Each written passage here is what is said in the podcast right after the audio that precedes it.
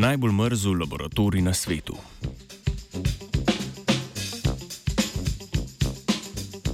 Mednarodna kolaboracija znanstvenikov in znanstvenic zbrana v projektu IceCube je objavila rezultate nove serije meritev neutrinskih oscilacij.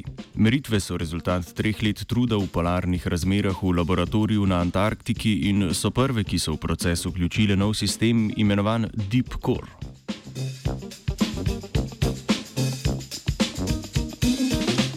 Neutrini so osnovni delci skoraj oziroma skomaj zaznavno maso. Dobre mere pozornosti javnosti so bili deležni leta 2015, ko je Švedska kraljeva akademija znanosti za eksperimentalno potrditev neutrinskih oscilacij podelila Nobelovo nagrado. V ogromnih detektorjih je nagrajencem in njunim sodelovcem ter sodelovkam uspelo dokazati, da neutrini niso lastna stanja. Nasprotno, neutrini oscilirajo med svojimi tremi inačicami in se kažejo enkrat kot ena, drugič kot druga izmed njih. Te so elektronski, mionski in tau neutrino.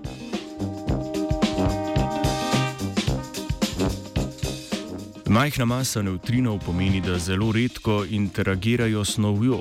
Detekcija mora zato potekati posredno prek neke goste snovi, vendar tako, da lahko prepoznamo sledi interakcije. Večina eksperimentov v neutrinski fiziki je zato podobna ogromnim bazenom. Znanstveniki in znanstvenice z vodo in fotopomnoževalkami napolnijo opuščena skladišča ali podzemne kaverne.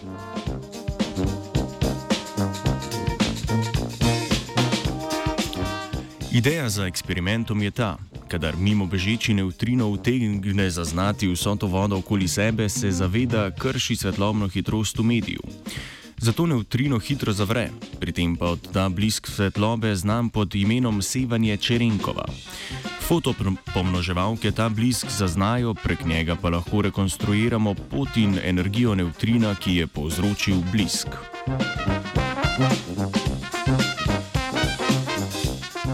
Detektor IceCube na Antarktiki se od večine detektorjev razlikuje po tem, da namesto umetnega bazena uporablja kar naravno prisotne ogromne količine ledu. Skoraj 3 km debelo plast ledu so raziskovalci in raziskovalke prevrtali z 86 navpičenimi vrtinami, v katerih se nahajajo senzori.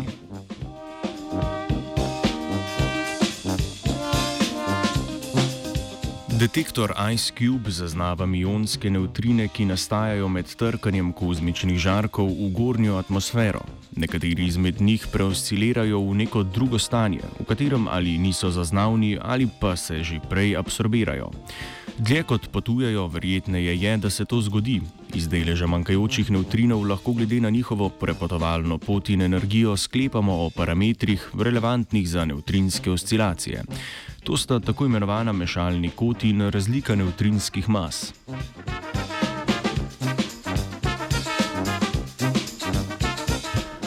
Novi podatki, pridobljeni z eksperimentom IceCube, so nastali s pomočjo nove naprave Deep Core, ki se nahaja globje kot starejši deli sistema. Neutrine je zmožna opazovati pri nižjih energijah vse do 5,6 gigaelektronvoltov. Nove meritve vsebujejo tudi nove prilagoditve na šum in so tako najnatančnejše meritve na območju med 5,6 in 50 gigaelektronvolti do sedaj.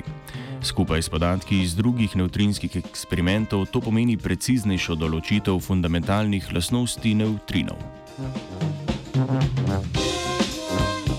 Na Antarktiko bi šel gledat neutrine tudi vajenec Martin.